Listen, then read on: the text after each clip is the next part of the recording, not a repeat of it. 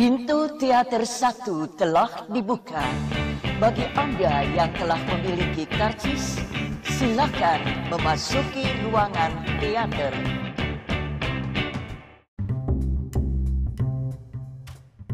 Baik lagi sama gue Mustafa di podcast habis nonton film. Eh, gimana kabar kalian semua teman-teman yang lagi dengerin podcast habis nonton film ya? Setelah sekian lama nggak rekaman karena nggak ke bioskop lagi, eh, force major, corona ini bikin kita ngerasa kalau eh, apa ya? eh, bumi memang butuh bumi dan isinya memang butuh waktu untuk istirahat gitu. Tapi tapi mungkin di era kita sekarang ini begitu menyusahkan gitu eh, banyak kegiatan yang harus berhenti beroperasi bisnis komersil dan lain-lain salah satunya bioskop juga gitu sebagai salah satu sarana hiburan gitu Eh, meskipun substitusinya udah ada adanya Netflix eh, Hook GoPlay dan macem-macem itu sangat-sangat membantu untuk menghilangkan rasa jenuh di rumah gitu. Tapi tetap aja ya interaksi dengan orang di bioskop tuh nggak ada tandingannya gitu. Kayak kayak gue sempet eh, bikin tweet kemarin gitu beta- betapa gue rindunya di bioskop gitu ya lagi habis nonton eh, di bioskop gitu ya nonton di studio terus gue lagi ke toilet gitu. Eh, habis nonton terus eh, orang yang tadi barengan gue nonton ke toilet juga terus mereka ngeceritain apa yang ada di filmnya gitu terus ngomongin kayak eh, iya kan bener kan? Gue tuh udah bilang tadi pasti ini ntar mati deh ini pasti ntar ini deh ini pasti gitu. Gue gue tuh gue tuh rindu dengan orang-orang yang kayak gitu gitu kayak ngerasa paling paling tahu lah gitu. Ya ya ngeselin sih tapi tapi tapi bikin kangen gitu. Nah karena nggak ke bioskop juga terus film banyak yang ditunda perilisannya gitu ya. Eh gue pun akhirnya memutuskan untuk nonton eh, drama Korea berjudul Itaewon Class. Itaewon Class eh, sebuah drama Korea yang diadaptasi dari diangkat dari webtoon. Hmm, ada 16 episode ya.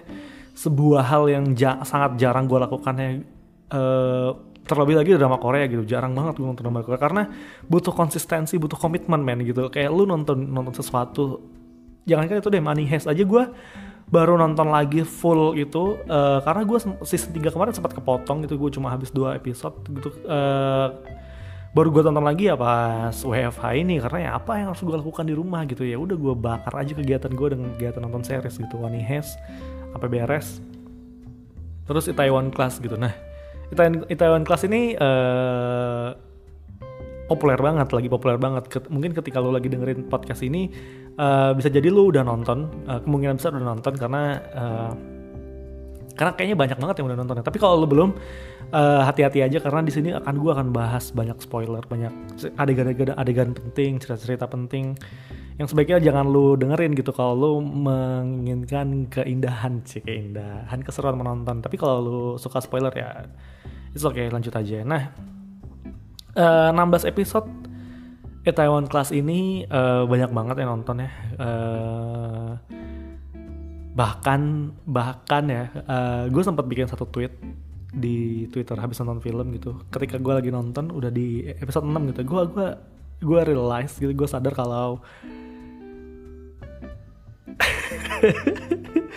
kalau Pak Sere itu mirip sama Roy Kiyoshi gue gue gue gue lagi nonton kan sama istri gue terus gue bilang Pak Sero ini mirip Roy Kiyoshi apaan sih? Enggak kata istri gue gitu kan ya udah gue gue akhirnya gue co- coba eh ini kalau Indonesia siapa aja ya? Gue gue bikin runutannya dan tweet tadi viral tweet tadi eh, di like hampir 10.000 ribu dan di retweet lebih dari 5.000 kali banyak banget yang yang yang setuju. Eh, untuk lo yang gak setuju, lo lu setuju, bukan lo setuju. Lo tahu itu mirip, tapi lo lu nggak terima aja, bener nggak? lu, lu lu sadar kalau iya ya ada ada sedikit kemiripan gitu ya, ada sedikit kemiripan. Cuma lu nggak mau aja dimiripin. Eh, kalau Indonesia India gitu dengan segala karakter yang begitu khas gitu ya. Em, tapi itu tapi dia mirip gitu daripada Herjunot menurut gue nggak nggak menarik.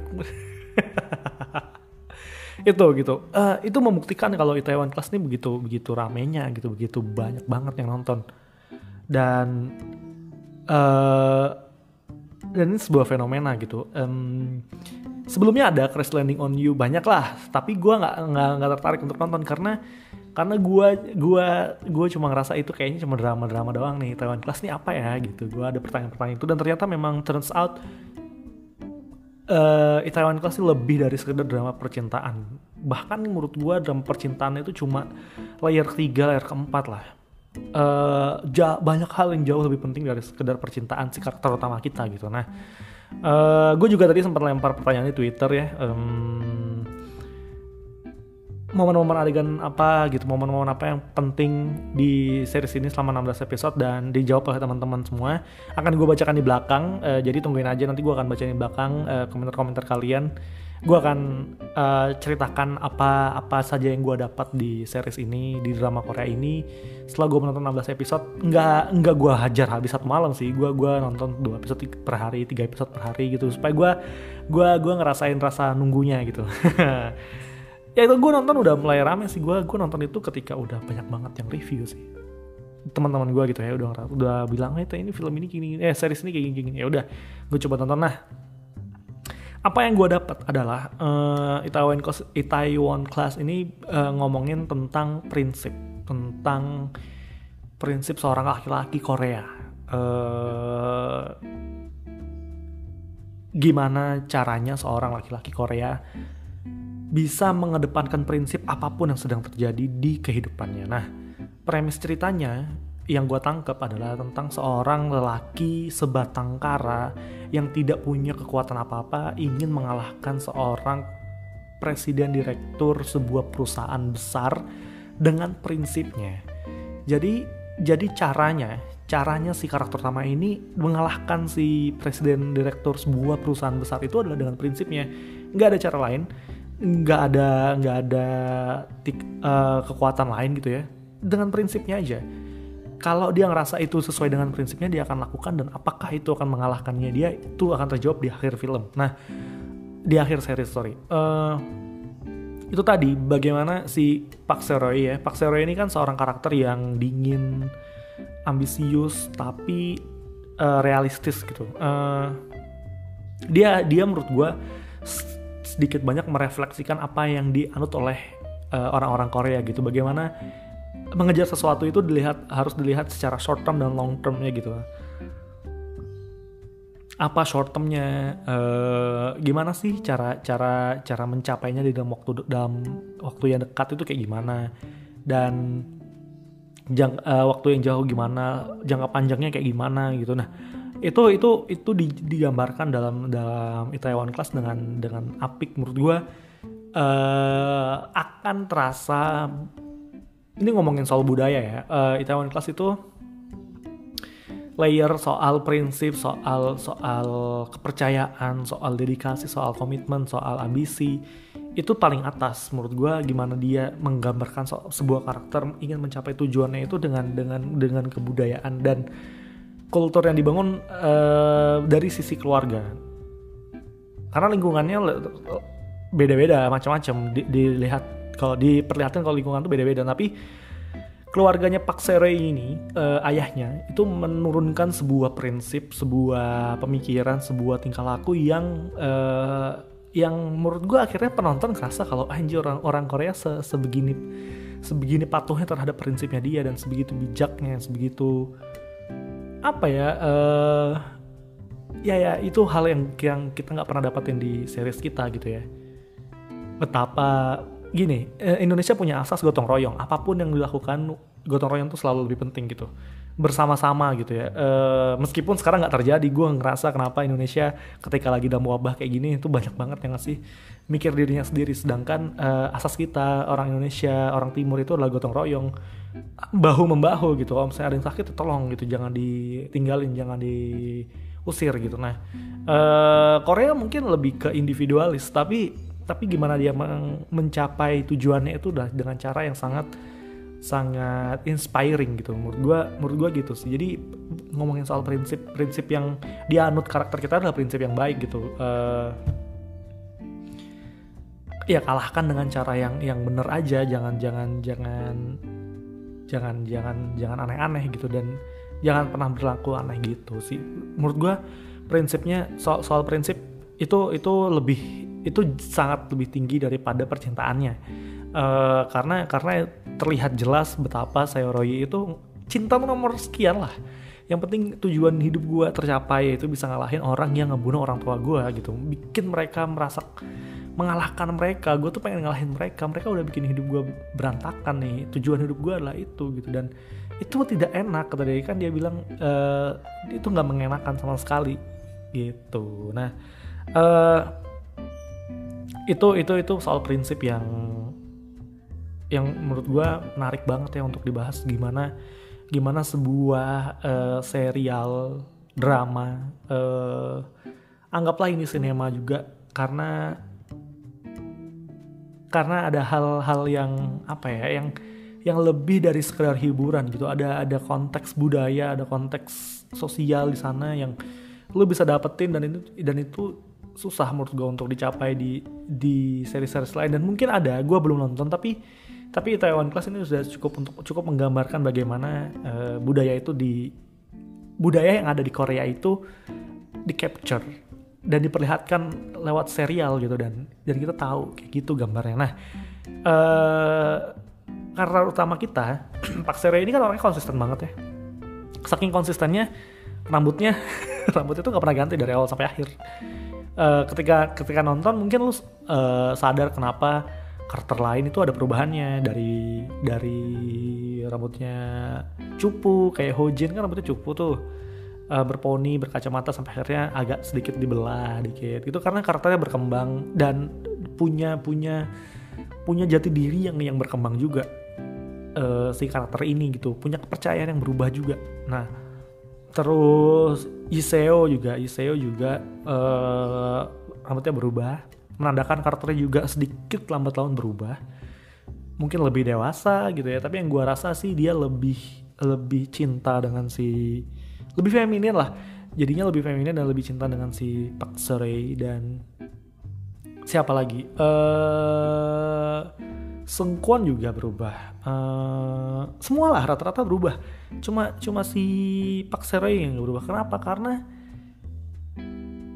karena bagi dia yang lebih penting adalah mengalahkan uh, mengalahkan si apa presiden Jang presiden Jang juga rambutnya nggak berubah kan? Karena karena sama gitu. Eh tapi si si dokter Kim juga nggak eh apa sekretaris Kim juga nggak berubah ya. Cuma gini uh, di antara semua karakter utama yang rambutnya berubah karakter uh, Pak Sero itu rambutnya nggak berubah karena menurut gua nih secara yang gua tangkap adalah kekonsistenan dia sebagai sebuah karakter itu dipertahankan bahkan di rambutnya. Bahkan bagaimana cara dia berpenampilan. Uh, mungkin meningkat bagaimana luxury-nya bagaimana uh, appeal-nya gitu appearance-nya itu lebih lebih meningkat uh, dari waktu ke waktu gitu ya. Karena pendapatan juga berubah. Cuma cuma dari segi rambut itu dari SMA lu bayangin lu dari SMA sampai dia punya perusahaan besar banget itu nggak berubah. Karena memang orangnya konsisten gitu kayak udah flat gitu aja santai aja jalanin aja hidup ini jalanin aja gitu. Itu menurut gue uh, menarik banget ya. Gimana Pak Seroy bisa mempertahankan gimana kreatornya bisa mempertahankan gaya rambutnya itu sedangkan yang lainnya berubah gitu. Dan uh, Pak Seroy ini juga menurut gue secara secara cerita juga menggambarkan bagaimana lu bisa sukses dengan uh, cara yang cara yang apa ya cara yang penuh kegigihan. Uh, banyak banget yang digambarin gimana dia belajar dari dokter uh, dia pres, presiden Jang uh, gimana caranya menjadi orang yang sukses gitu gimana caranya dia uh, menempatkan apa ya uh, kekuatan apa sih fondasi gitu. Kalau kata presiden Jang kan sebuah perusahaan itu harus memiliki fondasi. Banyak banget hal-hal yang sebenarnya film ini juga serial ini ngajarin lo juga tentang dasar-dasar. Uh, bukan dasar-dasar sih cukup advance lah tentang entrepreneurship. Gimana lo harus punya pemikiran long term soal pekerjaan lo uh, dalam berapa tahun lo harus bisa achieve apa langkah apa yang lo harus lo ambil. Kalau langkah lo salah gimana caranya lo bisa menyelesaikan itu? Dan gimana lo bisa berinvestasi kepada manusia dibandingkan dengan uh, uang gitu. Dan itu yang digambarkan oleh uh, gitu. Dia begitu percaya dengan orang orang di sekitar dia gitu. Dia begitu percaya dengan orang-orang yang bekerja dengan dia. Karena dia yakin pekerjaan atau bisnis itu dasarnya adalah manusia gitu. Kepercayaan manusia itu sendiri. Untung bisa dicari tapi kepercayaan yang susah kan. Jadi dia selalu percaya sama orang-orangnya. Dan yang yang dipercaya itu selalu benar gitu. Uh, mungkin di dunia nyata agak lebih susah. Cuma cuma yang memang lebih susah itu ada percaya. Uh, mungkin lu punya skill yang jago banget sebagai seorang. Misalnya lu orangnya jago banget. Uh, oke okay lah mungkin lo misal misalnya ya lu adalah seorang director film gitu. Uh, lu bisa ngedit juga. Uh, ketika lu bikin film lu ngerekam lu shoot lu tahu gambarnya apa lu bisa ngedit. Cuma uh, akan lebih kolektif kalau lu hibahkan pekerjaan lu sebagai editor tadi ke editor yang beneran. Karena apa? Editor yang beneran tadi akan punya sudut pandang yang berbeda, punya cara eksekusi yang berbeda yang membuat kayak membuat karya lu akan lebih semakin uh, akan semakin manis gitu nah. Kepercayaan si sutradara ini kan susah banget ya. Uh, ih, gue tahu kok apa yang gue edit ngapain gue kasih ke orang gue gue nggak bisa percaya nah itu itu bentuk salah satu bentuk kepercayaan yang menurut gue yang digambarkan oleh Pak Seroy gitu dia tahu orang yang dia dia rekrut si Hyun Yi itu nggak bisa masak. Dia tahu makanannya enak aja. Uh, ketika si Yiseo ngasih sebuah pandangan realistis gini lu nggak akan bisa untung kalau yang masak aja nggak enak. Masakannya nih nggak enak. Kita semua udah oke okay. masakannya nggak enak. Lu harus pecat dia gitu. Nah tapi Pak Seroy nggak. Dia malah naikin gaji dua kali lipat dengan tuntutan Hyun Yi harus bisa masak lebih enak. Dia harus bisa achieve itu uh, sebagai seorang karyawan tentu dia merasa oh, bos gue percaya nih. Nah dia si Hyun ini untungnya dia tidak meng, apa ya tidak mengecewakan dan dia belajar dia dia dia terima itu dengan besar hati. Dan itu juga yang lo harus lihat sebagai seorang karyawan ya. Kalau lo mendengarkan ini sebagai seorang karyawan ya. Kalau lagi kerja gitu misalnya ada bos lo yang ngasih lo tuntutan dengan gaji yang cukup terus lu ngerasa anjing gue kenapa dituntut? Lu harus pelajarin apa ya lu harus lihat bagaimana Yunji begitu tekunnya belajar begitu tekunnya bisa uh, menjadi sesuatu yang tadinya dia belum bisa sampai sana gitu. Menjadi sesuatu menjadi menjadi orang yang yang yang bahkan Yiseo yang pintar gitu aja nggak percaya gitu.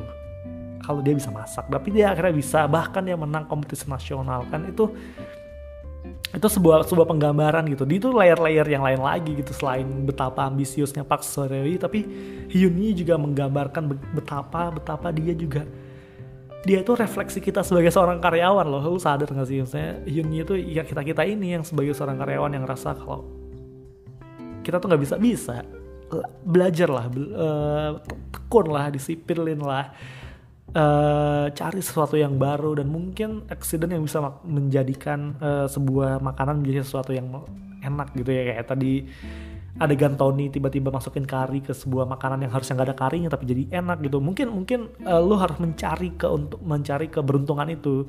Jangan diem aja. Olah terus aja sampai keberuntungan itu datang sendiri gitu. Nah Uh, itu itu tadi layer-layer yang layer-layer yang paling atas gitu ya. Nah ngomongin soal percintaan nih kita udah masuk layer selanjutnya. Bet betapa drama percintaannya menurut gue, uh, gue suka suka drama percintaan yang kayak gini, yang tidak terlalu tidak terlalu ditonjolkan gitu. Cuma uh, cuma memang karakter oh salah mengesal bikin kesel gitu gimana ya. Tapi itu terjadi di masyarakat sih terjadi di kehidupan gue dan orang-orang lain kayak kayak lu sering banget ngerasa uh, ngelihat orang kayak ini sama-sama suka tapi kenapa dia nggak mau nerima ya? Gitu. Tapi gue rasa kalau nggak diterima terus nanti dia nikah sama orang lain dia akan nyesel sih. Nah uh, ini ini to be clear aja ya buat lo yang belum dengar uh, endingnya. Belum ada yang dong buat lo yang belum nonton filmnya endingnya uh, Pak Serei akan menikah akan menikah akan akan berpacaran dengan Yiseo bukan dengan Osoa. Jadi uh, Yiseo adalah pemenangnya, bukan Osoa. Nah, Yiseo adalah aku nanti dulu Yiseo nanti dulu deh. Osoa deh. Osoa adalah pembukti bahwa uh, bahwa karir bisa bisa bisa mengalahkan cinta dan gue yakin ya gue yakin di luar sana di Indonesia ini di masyarakat kita banyak banget cewek yang ini kalau gue nikah gue akan susah untuk dapat pasangan gitu. Nah uh, sebenarnya sebenarnya uh, sorry. Kalau gue nikah gue akan susah dapat pekerjaan. Itu maksud gue tapi Oswa nggak kayak gitu sebenarnya problemnya. Osoa itu problemnya kalau gue nikah uh, karir gue akan terganggu karena yang gue nikah atau gua, kalau gue berpacaran karir gue akan terganggu karena yang gue pacarin itu adalah orang yang ambisinya untuk mengalahkan karir gue gitu. Paham gak sih uh, ada kerumitan di sana cuma cuma uh, karena Osoa tidak begitu menyukai Pak Seroy gitu ya. Dia tuh di antara di, dia tuh di tengah-tengah antara pekerjaan dan Pak Seroy gitu. Pak Seroy sebagai teman dan orang mencintainya dan pekerjaan yang begitu bagus dan udah, udah membesarkannya gitu. Dan karakter ini uh, multidimensional menurut gue nggak karakter bagus nggak karakter jelek gitu ya. Nggak karakter baik nggak karakter jahat. Tapi uh, tapi dia tapi dia uh, berhasil bikin lu kagum dan bikin lu kesel di waktu yang yang cukup berdekatan gitu. Kayak misalnya lu ngerasa anjing ini kenapa jahat banget nih so ah nih kayak gini. Terus nanti di belakang lu ngerasa eh untung dia berlaku dengan baik. Cuma cuma memang asas di film ini adalah uh, balas budi gitu ya. Banyak banget uh, aksi atau adegan yang dilakukan dalam film ini itu uh, hanya dilakukan karena karena ada hubungannya dengan uh, ting balas budi sebelumnya. Misal kayak uh, si nenek Kim eh si nenek siapa lupa namanya? Si nenek itu berinvestasi karena sebelumnya udah ditolong sama Pak Seroy banyak deh banyak banget. Uh, banyak banget. Termasuk salah satunya si Osu ah ketika ketika apa uh, ngasih bukti-bukti itu ya sebagai pengkhianat kantornya ke kejaksaan itu juga karena bahas budi ke bapaknya Pak Seri. Banyak banyak banget gue bahkan sampai lupa. Itu dua-dua hal yang terjelas gitu ya. Um, kenapa kenapa hal itu kenapa balas budi itu menjadi salah satu hal yang uh, cukup repetitif dilakukan di serial ini gitu. Uh, jadi bukan kemauan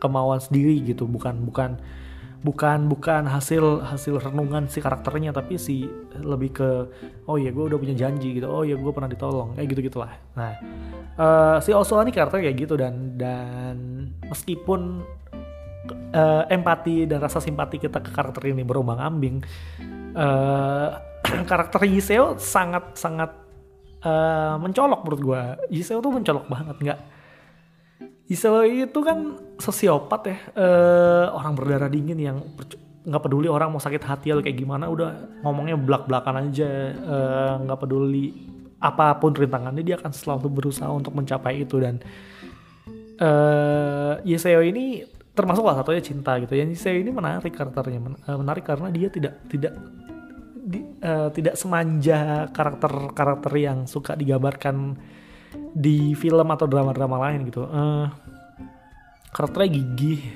uh, gigih dan apa ya ya dan pragmatis gimana nyebutnya pragmatis nggak pragmatis juga sih um, Iya ya cukup pragmatis lah.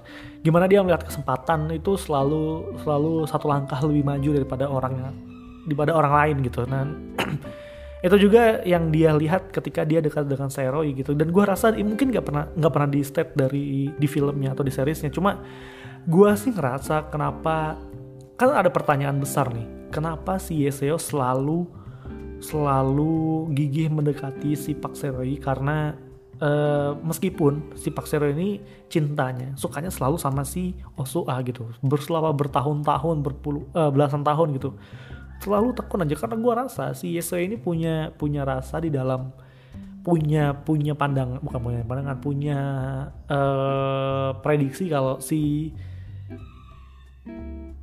si siapa si Pak Sero itu akan suka pada dia gitu bukan ke bukan ke si Osua gitu. Dan uh, dia sadar dia bisa achieve itu. Pak Sere itu tidak se, tidak sekokoh itu soal percintaan karena si Osoah uh, sibuk dengan karirnya gitu gitulah dan ya ya kalau lu kalau pertanyaan Osoah atau Yiseo pasti pemeran Yiseo lah. Udah dari karakter dari awal udah lucu banget gitu. Ketika pertama kali ketemu juga lucu banget ya. Uh, cara dia cara dia berinteraksi cara dia memutuskan sebuah tindakan tuh gue suka banget Iseo gitu. Konsisten dan dan bagus gitu. Iseo tuh kayak gitu sih oke okay, uh, eh, itu soal Iseo dan nah uh, ini soal soal karakter kita pindah lagi soal karakter si Presiden Jang. Kenapa Presi Presiden Jang itu menurut gua uh, terlalu di sini ada salah satu kekurangan di series ini adalah kenapa Presiden Jang, Direktur Jang itu sangat over peduli, sangat overreaktif lah uh, terhadap si Pak Serei gitu. Karena karena logikanya dia punya hal yang lebih penting dibandingkan dengan Pak Serei gitu. Tanpa harus dia mengusik Pak Serei, uh, bisnis dia akan selalu akan terus berjalan gitu. Dan ya mungkin ada ada ada ada jiwa kekanak-kanakannya yang yang coba ditampilkan. Tapi menurut gue cukup berlebihan gitu ya um, terlalu satu dimensional karakternya. Di antara karakter lain yang punya punya pandangan yang cukup bercukup berkembang satu sisi satu sisi kita lihat oh dia kayak gini ya oh dia kayak gini kayak gitu ada banyak banget. Tapi Presiden Jang nih enggak. Presiden Jang nih satu dimensional banget sih salah satu karakter yang yang yang menurut gue kurang kurang aja kalau dia punya punya punya cara yang lebih manusiawi gitu ya menanggapi persaingannya dengan Pak Seroy gitu gue gue akan lebih emes gitu.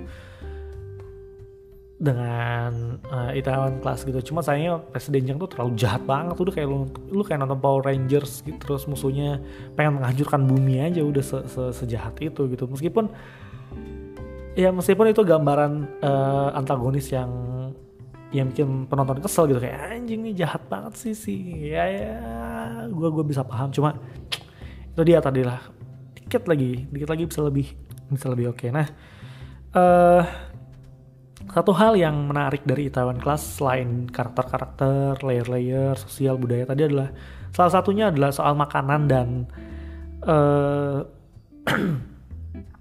soal makanan, ekonomi dan uh, iklan. Uh, makanan yang ditampilkan gini loh. Fil film kan sebuah medium medium uh, menurut gue film itu adalah salah satu alat preservasi terbaik tentang budaya. Salah satu alat terbaik lah. Lu bisa menyimpan bagaimana budaya itu dalam sebuah film gitu. Sebagai rekoleksi memori gitu. Nah uh, ini bahkan digunakan untuk menyebarkan budaya itu tadi. Makanan itu kan salah satu dari bagian dari budaya. Uh, selain bahasa yang kita tonton Korea, kita juga disuguhkan dengan penampilan banyak makanan dan dan berbagai menu gitu. Dan betapa makanan sana kayaknya enak-enak dah. Itu yang menurut gue kenapa Indonesia jarang banget gitu. Meskipun ada Saiyo Sakato ada tabula rasa dan ada madre banyak lah. Cuma cuma penekanan makanan itu kan sebenarnya bukan bukan hal yang dijadikan tema utama. E, bisa dipakai di semua cerita. E, betapa e, betapa cintanya karakter mereka dengan makanan yang mereka sendiri gitu. Dengan produknya mereka sendiri gitu. Bagaimana dia pakai HP Samsung yang tadinya awal-awal pada miskin semua pakai iPhone terus tiba-tiba sekarang pas udah gede pakai Samsung Flip gitu ya anjing. Kayak kayak iPhone tuh udah gak ada harganya lagi gitu di masa depan gitu. Kayak udah paling keren Samsung Flip lah flip lah gitu anjing. Ya tapi kan tapi kan uh, ada value-nya kan di sana. Kayak orang sana uh, menaruh iklan aja itu ada value-nya gitu. Kenapa? Kenapa Samsung itu jadi menarik banget? Karena karena ada ada unsur luxury di sana nggak cuma produk na, na, nampal eh, apa uh, nampil gitu aja gitu. Ada adegan ngebukanya terus betapa kerennya gitu. Anjir itu sama adegan mobil yang habis dicabut colokan listriknya itu menurut gue ada ada value di sana. Nggak cuma nampilin doang lo nggak cuma built in gitu bang ada ada value nya dan itu menarik banget. Selain makanan tadi yang anjing itu gue gue selalu selalu selalu suka bagaimana Korea mengemas adegan makanannya. Itu jadi sesuatu hal yang penting gitu kayak makanan tuh penting banget. Makanan itu me, me, me, me, memperkokoh si karakter tadi dengan budayanya gitu kayak makanan ini uh, terus adegan makannya pun dimasukin juga gitu. Kayak Indonesia harusnya lebih lebih giat dengan gitu ya. Terus ekonomi gitu. Uh, sesekali disentil di series ini betapa digambarkan bahwa ekonomi di sana itu sangat bagus banget. eh, orang-orang pengen investasi di sana. Cina ini pengen investasi di sana. Kalau lu bikin bisnis juga dalam 8 tahun akan berkembang uh, investasinya, bisnisnya akan selalu berkembang dan itu hal-hal di luar ambisi-ambisi prinsip-prinsip tadi gitu dan gue anjing keren juga ya kayak dia bisa nggambarin betapa Korea adalah suatu negeri yang makmur suatu negeri yang yang sukses gitu yang maju gitu uh, lu bisnis apa aja akan selalu bisa maju gitu. Tapi ya tetap tetap lihat uh, bagaimana perkembangan bisnisnya kepercayaan gitu gitu tapi itu itu hal yang keren keren gue udah berapa menit sih? Oh udah cukup lama ya. Ya itulah. Itu tadi soal uh, ekonomi iklan dan makanan yang sedikit muncul tapi tapi punya punya daya gebrak yang cukup lumayan. Nah sekarang gue akan bacain komentar-komentar uh, teman-teman teman-teman followers teman-teman yang udah nge-follow Twitter dan Instagram habis nonton film ya Momen terbaik sepanjang series menurut kalian terus kali sih alasannya kenapa? Gue bacain yang pertama datang dari Tata Tatu 99. Adegan yang menarik menurut dia adalah waktu Suah nyium Sairoi Opa eh, waktu Suah mau nyium Sairoi Opa De Yesio langsung nutup mulut Suah itu gue itu adegan lucu banget sih kayak gue nggak pernah lihat adegan itu di mana pun. Itu itu itu mengagetkan gue kaget ketika lagi nonton kayak anjing ciuman gimana cara hentikannya gitu ya. Kalau kalau umumnya mungkin cuma ditegur dengan batuk tapi ini tutup mulutnya loh gitu. Kayak anjing karakter Yuseo tuh lucu banget sih. Setuju gitu? Keren banget sih. Uh, terus dari Pars Purple Sky pas bagian ayahnya Serei bilang dia bangga sama Serei di depan si presiden direktur Jangga. Banyak pelajaran banget sih yang gue dapat di sini itu. Itu itu uh, sebelumnya film ini belum ada unsur harunya masih masih seru-seruan gitu ya. Sampai adegan itu gue sadar kalau film ini akan keharu-haru banget sih. Uh, gimana seorang ayah ya itu tadi memegang teguh prinsipnya yang akan diturunkan ke anaknya gitu. Meskipun anaknya membuat dia kacau tapi dia tetap pegang prinsipnya. Anak gue nggak salah. Lu pencet gue silahkan. Karena anak gue nggak salah gue bangga sama dia. Anjing. Keren ya? Keren tau. Uh, jarang kan lu, lu jarang kan nonton nonton hal-hal kayak itu di Indonesia kenapa gue bandingkan dengan Indonesia? Karena kita sama-sama orang timur kita punya ada budaya yang deket gitu. Dan dan bagaimana kita mengcapture realita itu ke dalam sebuah film atau serial itu yang harus kita pelajarin gitu. Dan gue berharap di masa depan akan lebih banyak kayak gitu. Terus uh, dari sebentar sebentar. Dari Novit Wia di di episode 15 dialog yang paling membekas ingatan gue karena gue ngalamin juga itu ketika dialog si Seroi bilang aku merindukan ayah.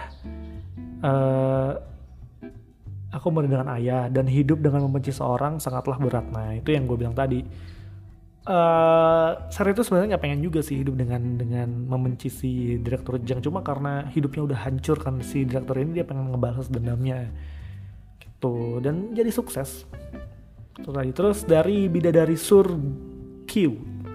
Salah satunya kakaknya adegan salah satunya kayaknya adegan Yiseo ditampar cowok Terus tuh cowok bilang, siapa yang bisa nyelamatin lu? Terus Yiseo bilang, gua sendiri. Abis itu banting dan nendang tuh cowok. Yang mana ya nih ya? Uh, lupa gua. Amin. Uh, terus dari Amira BDMTR. This one, scene di jembatan. Karena relate banget di hidup. Relate banget hidup lagi saat sangat repetitif terus bosan parah tapi ya seperti yang Doi bilang, we will never know what could happen tomorrow and it might be exciting. Oh ini ketika si Pak Sarayi duduk di jembatan, aduh, duduk berdiri di jembatan sama si Yiseo terus Yiseo bertanya soal eksistensinya gitu ya. Ngapain sih hidup kalau bisa uh, ngomongin hidup lah, intinya ngomongin hidup terus uh, ya Sarayi ngomongin sana. Iya menarik menarik. Adegan yang menarik. Terus dari Mutia.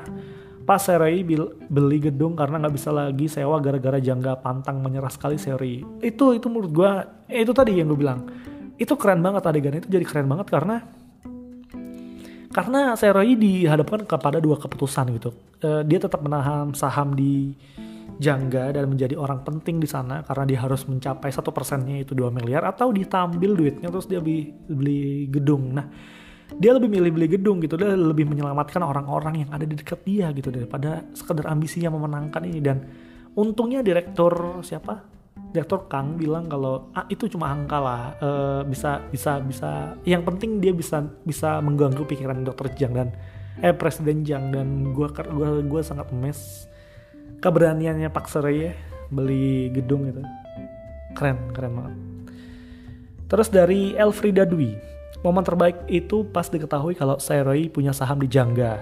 Uang pertanggungan bapaknya langsung diinvestasiin pas saham Jangga turun drastis. Terus Seroy nabung bertahun-tahun dari kerja serabutan buat buka usaha.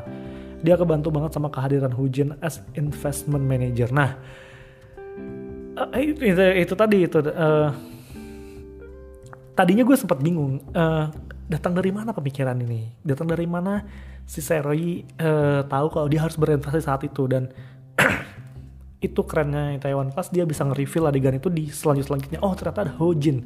Hojin yang punya insight kalau uh, kita sama-sama kalahin Jang ya. Kita sama-sama kalahin Jang gak caranya lu harus investasi gitu gitu anjing itu itu cukup mengagetkan dan bikin gue wah anjing betapa pentingnya investasi. Ayo follow Juska follow Bikalpa ah ya gitulah men. Mulailah reksadana. Anjing gue jadi ngasih tips-tips investasi nih. Terus dari Arauf Atta. Percakapan Yiseo ke Soah. Kau hanya menunggu hingga sukses selalu kepelukannya, sedangkan aku yang membuat dia bisa menjadi seperti sekarang ini. Nah itu dia itu dia dan uh, toh menurut gue si si, si Osoa itu ya menurut gue kalau misalnya si ta, itu cuma basa-basi doang. Sama kayak si Iseo bilang ke uh, Gungsu kalau misalnya lu bisa jadi ahli waris gue bisa jadi suka atau lu bisa deketin gue gitu. Nah, itu cuma basa-basi. Menurut gue ketika si Iseo bilang jadi kaya dulu itu bahasa basi. Uh, pilihannya bukan jadi kaya sih lebih ke uh, lu berhenti kita hidup bareng-bareng atau uh, lu jalan gue jalan sendiri gitu. Lu berhenti kejar jangga kita bisa bareng nih. Kalau kalau enggak ya udah lu jalan sendiri gue jalan sendiri gitu. Pilihannya lebih ke sana dan memang jelas sih ya kalau misalnya Iseo suka harusnya dia berhenti lah. Karena dia nggak terlalu suka karena dia tetap gitu-gitu aja. Gitu Iseo lah yang menang gitu Terus dari Eka Nur Amsi. Momen Seroy sama bapaknya di ruang kepala sekolah dan momen Yeseo sama ibunya di sekolah, di mana orang tua tidak merendahkan dan marah kepada anaknya, melainkan bisa sabar dan memahamin. Benar. Tadi udah disebutin. Terus dari siapa dia? Spoiler alert. Momen terbaik itu pas Bujang Pak Bos Jangga akhirnya datang ke Danbam makan di sana tapi dia bayarnya pakai berlutut. Nah, itu itu itu salah satu adegan yang yang memorable sih. Uh, kemasannya menarik banget uh, eksekusinya menarik banget. Adegan itu kan jadinya sebenarnya berlututnya berlututnya si dokter Jang dokter Jang mulu. Presiden Jang itu adalah supaya si seri nggak beli nggak beli perusahaannya kan. Karena kalau dia beli perusahaannya dia akan telak kalahnya kalahnya skatmat itu. Tapi tapi itu tidak bisa menurunkan rasa kasihannya si Seroi karena itulah saat tepat untuk bisa mengalahkan dia gitu. Jadi berlututnya dia itu double kill menurut gue dia sel selain dia berlutut kalah akhirnya dia berlutut juga dia juga kalah akhirnya Jangga dibeli gitu. Jadi ada itu jadi menarik sana kayak anjing dia udah berlutut tapi Seroi tetap tetap kekeh gitu anjing itu sih. Tapi istri gue sedih loh istri gue sedih uh, ke ke si direktur Jang kenapa direktur Jangnya udah tua nangis gitu ya bingung lah kenapa. Terus dari dari Tias Gamaldian Tias. Momen di mana Serai bilang ke Suah I don't care whatever do you I don't care whatever you do to me I'll tell you. Whatever you do I'll be fine. Suah masuk busway sorry lari-lari dan berakhir dengan mereka saling tetap. Itu itu keren. Meskipun pas gue nonton uh, eh, gue ngerasa anjing ini pede banget ya si Seroy bilang apa pun yang lo lakuin gue gak kenapa-kenapa. Tapi dibuka lagi di selanjutnya kalau ternyata dia punya investasi bermiliar-miliar. Tentu saja dia tidak kenapa-kenapa. Nanti itu keren sih. Terus dari Gianni Rizky part Seroy rela sujud demi nyelamatin Yeseo. Di situ aku mikir kok ada cowok yang kaya dia? Nah gue sempat mikir hal yang sama. Uh, gila ya orang tuanya orang tuanya dipecat aja si Seroy nggak mau tunduk uh, karena dia memang bener tapi di dikasih permasalahan tentang Yiseo dia berani berlutut gitu tapi ya akhirnya gue sadarin uh, Seroi nggak punya pilihan lain. Uh, pilihannya terlalu berat gitu. Yiseo mati atau dia uh, berlutut gitu dan itu itu itu bukan hal yang sebanding gitu. Jadi jadi dia dia lebih milih berlutut gitu. Ya dia mengakui dia dia tuh kayak bilang ke presiden Jang ya udah nih udah lu seneng gitu. Udah nih seneng. Kayak gitu gue lebih lebih ngerasa ke sana gitu. Ya udah dia lebih mementingkan menyelamatkan nyawa si Yeseo karena tidak ada pilihan lain yang lebih pantas dilakukan selain berlutut. Dan menurut gue yang salah di sini adalah presiden Jang. Kenapa lu minta dia berlutut? Karena karena apa pun yang terjadi lu akan kalah. Mending lu defense-nya nggak kayak gitu menurut gue gitu. Cuma cuma adegan itu jadi memorable banget karena akhirnya setelah satu season mulai kita melihat juga gimana si uh, Giseo ya si Giseo si Pak Seri duduk uh, berlutut gitu. Terus dari Inezem Inezem ini bacanya apa sih? Inezem Saya dan bokap minum soju bersama pertama kali sambil diajarin cara nuang posisi kepala after testnya karena ngajarin Velus nggak cuma lewat wejangan. Hmm, itu dia. Itu dia. Uh, dia di saat itulah dia menurunkan prinsip-prinsipnya bagaimana bagaimana dia menurunkan kepercayaan uh, pemikiran-pemikirannya dari dari lewat minum-minum tadi gitu. Terus gue akan baca di Instagram baca di Instagram bentar bentar bentar bentar dari ini banyak banget nih. Dari Rizka Ica, waktu Hyuni ketahuan skandal dia transgender bersama dengan lomba chef. Dan Seri sebagai leader nggak memaksakan dia untuk ikut atau memotivasi untuk menguatkan tapi kayak ngajarin kita untuk it's okay not to be okay. Tapi Hyuni tetap berusaha kalau dia tetap bisa bangun dan buktiin bahwa dia kuat dan bisa sampai dia menang like diamond gitu. Gua nampar banget soalnya ngajarin kita gimana jadi leader dan tetap memotivasi belajar uh, motivasi tetap motivasi belajar ngajarin tegar walaupun banyak orang berusaha menjatuhkan. Iya bener banget. Itu tadi gue bilang jadi leadernya keren banget ya. Uh, sebagai karyawan lo bisa tahu betapa leader lo peduli banget soal kemanusiaan ini gitu. Kayak terus kesan tuh bisa dicari tapi manusia yang lebih penting. Itu itu itu menarik banget. Uh, perspektif menarik ya sebagai seorang leader oke. okay. Terus dari Ali Aksan, pertama kali saya ketemu saya di situ langsung jatuh cinta sama Joey saya. Iya, yeah, karena menarik banget loh. Pertama kali itu adegannya kayak gue gue tadi expect emang dia beneran cerita soal ayahnya meninggal pas gue ternyata bohong kan kurang ajar ya. Kurang ajar emang saya, tapi bagus sih. Terus dari Ervangga Bayu, waktu Seroi berhasil buka restonya sendiri dari hasil ngumpulin duit bertahun-tahun. Nah, itu juga. Itu pertama kali tatap-tatapan tuh ya anjing keren banget kayak tapi tapi tatapan gue kayak hmm, Seroy rambutnya nggak berubah nih. Ya gitulah. Tapi bagus adegan itu. Dari Anggi. Anggi Mayavio. Yiso ditampar Gunwon pas rekam pengakuan kecelakaan ayah Seroy bucinnya Daibak gue nggak gue gue sih gue sih nggak mikir dia ngupas-ngupas soal dialog itu. Gue nggak kepikiran sih. Cuma cuma betapa dia sayang sama si Seroy itu menarik banget sih si si Yeseo ini kayak anjing dia begitu cintanya sama si Sayoroy sampai akhirnya dia uh, memancing Gun Gunwon ya. Saya Gunwon kan bener kan? Iya kan Gunwon untuk ngomong. Terus apalagi ya apalagi udah uh, itu aja. Semoga nggak ada yang kelewat ya gue baca ya. Uh, itu aja untuk episode kali ini. Terima kasih sudah mendengarkan. Jangan lupa follow di atau habis nonton film Twitter dan Instagram. Uh, subscribe juga habis nonton film di YouTube karena gue di situ bikin konten esai yang kontennya akan sangat jarang keluar karena butuh riset, butuh belajar, butuh butuh pemetaan, butuh butuh apa ya, butuh pemahaman yang lebih dalam gitu ya. Dukung juga gue di karya kasa karena dukungan kalian begitu pentingnya. Uh, ya itu aja sih. Terima kasih sudah mendengarkan episode Roy Kiyoshi Pak Serei Itaewon Class. Sampai jumpa di episode selanjutnya. Dadah.